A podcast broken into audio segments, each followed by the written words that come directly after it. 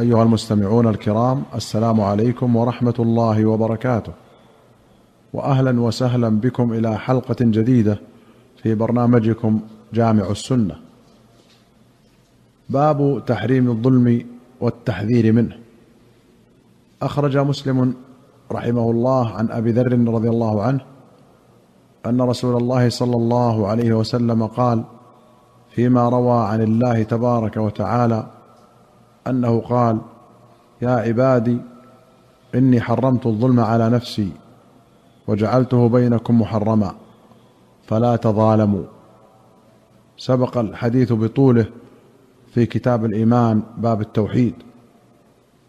وأخرج البخاري ومسلم رحمهما الله عن ابن عمر رضي الله عنهما أن رسول الله صلى الله عليه وسلم قال الظلم ظلمات يوم القيامة.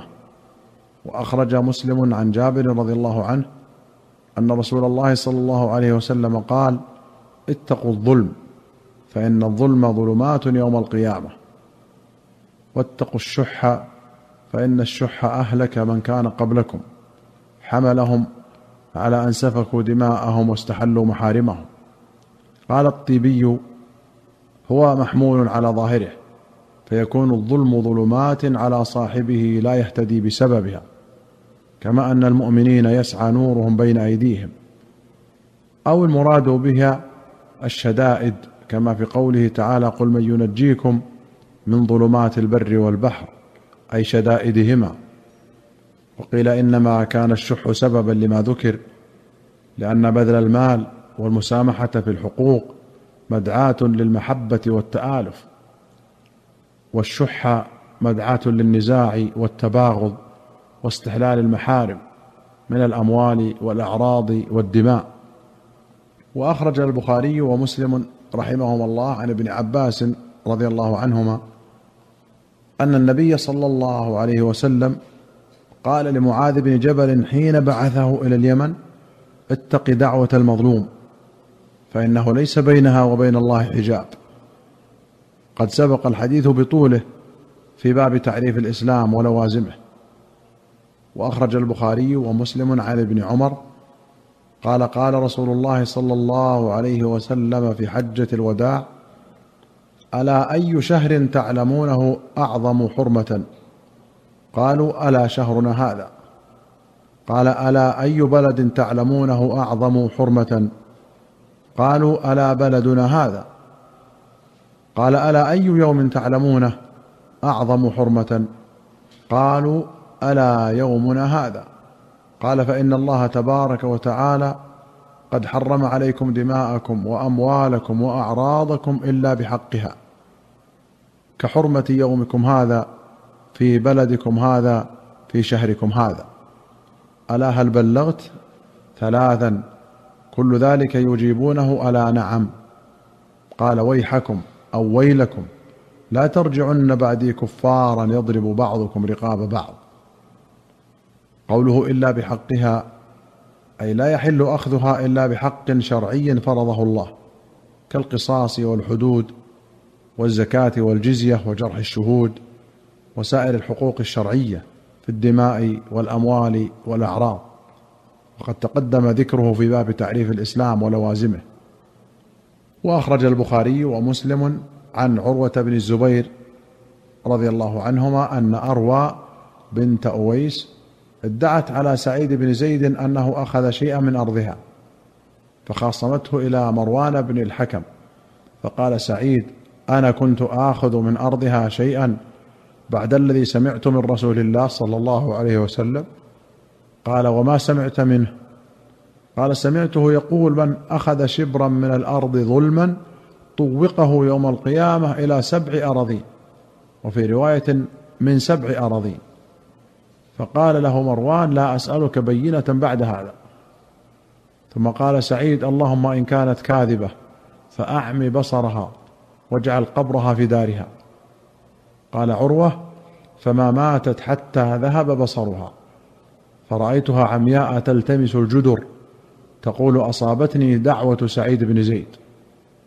فبينما هي تمشي في الدار مرت على بئر في الدار فوقعت فيها فكانت قبرها.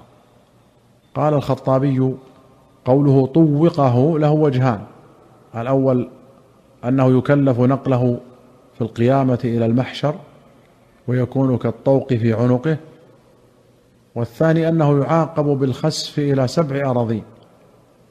فتكون كل أرض طوقا في عنقه. قال ابن حجر وهذا يؤيده حديث ابن عمر بلفظ خسف به يوم القيامة إلى سبع اراضين وأخرج البخاري ومسلم عن أبي موسى الأشعري رضي الله عنه قال قال رسول الله صلى الله عليه وسلم إن الله ليملي للظالم حتى إذا أخذه لم يفلته. ثم قرأ وكذلك أخذ ربك إذا أخذ القرى وهي ظالمة. إن أخذه أليم شديد. وأخرج مسلم عن أبي هريرة رضي الله عنه أن رسول الله صلى الله عليه وسلم قال أتدرون ما المفلس؟ قالوا المفلس فينا من لا درهم له ولا متاع. قال إن المفلس من أمتي يأتي يوم القيامة بصلاة وصيام وزكاة. ويأتي قد شتم هذا وقذف هذا وأكل مال هذا وسفك دم هذا وضرب هذا فيعطى هذا من حسناته وهذا من حسناته. فإن فنيت حسناته قبل أن يقضى ما عليه أخذ من خطاياهم فطرحت عليه ثم طرح في النار. وأخرج البخاري عن أبي هريرة قال قال رسول الله صلى الله عليه وسلم من كانت عنده مظلمه لأخيه من عرضه أو شيء منه فليتحلله منه اليوم من قبل أن لا يكون دينار ولا درهم. إن كان له عمل صالح أخذ منه بقدر مظلمته. وإن لم يكن له حسنات أخذ من سيئات صاحبه فحمل عليه. تقول تحللته واستحللته إذا سألته أن يجعلك في حل من قبله بطلب العفو أو بأداء مظلمته والمظلمة بكسر اللام على المشهور وحكى ابن قتيبة وابن التين والجوهري فتحها. وأخرج البخاري ومسلم رحمهما الله عن أبي سلمة بن عبد الرحمن قال كان بيني وبين أناس خصومة في ارض فدخلت على عائشة فذكرت ذلك لها فقالت يا أبا سلمة اجتنب الأرض. فإن رسول الله صلى الله عليه وسلم قال من ظلم قيد شبر من الأرض طوقه من سبع أراضين. قيد شبر بكسر القاف أي قدر شبر. وطوقه جعل كالطوق في عنقه وقيل طوق حمله أي كلف من الطاقة والتكليف كما تقدم الوجهان عن الإمام الخطابي رحمه الله. وأخرج البخاري عن ابن عمر أن رسول الله صلى الله عليه وسلم قال من أخذ شبرا من الأرض بغير حق خسف به يوم القيامة إلى سبع اراضين وأخرج مسلم عن أبي الطفيل قال كنت عند علي بن أبي طالب فأتاه رجل فقال ما كان رسول الله صلى الله عليه وسلم يسر إليك؟ فغضب وقال ما كان يسر إلي شيئا يكتمه الناس غير أنه حدثني بأربع كلمات. قلت ما هن يا أمير المؤمنين؟ قال لعن الله من ذبح لغير الله. لعن الله من لعن والديه. لعن الله من آوى محدثا. لعن الله من غير منار الأرض. قوله إن عليا غضب. قال النووي فيه إبطال ما تزعمه الرافضة والشيعة والإمامية من الوصية إلى علي وغير ذلك من اختراعاتهم. والمحدث بكسر الدال من يأتي بفساد في الأرض. وقوله آواه أي نصره وحماه. ومنار الأرض جمع مناره وهي علامات حدودها.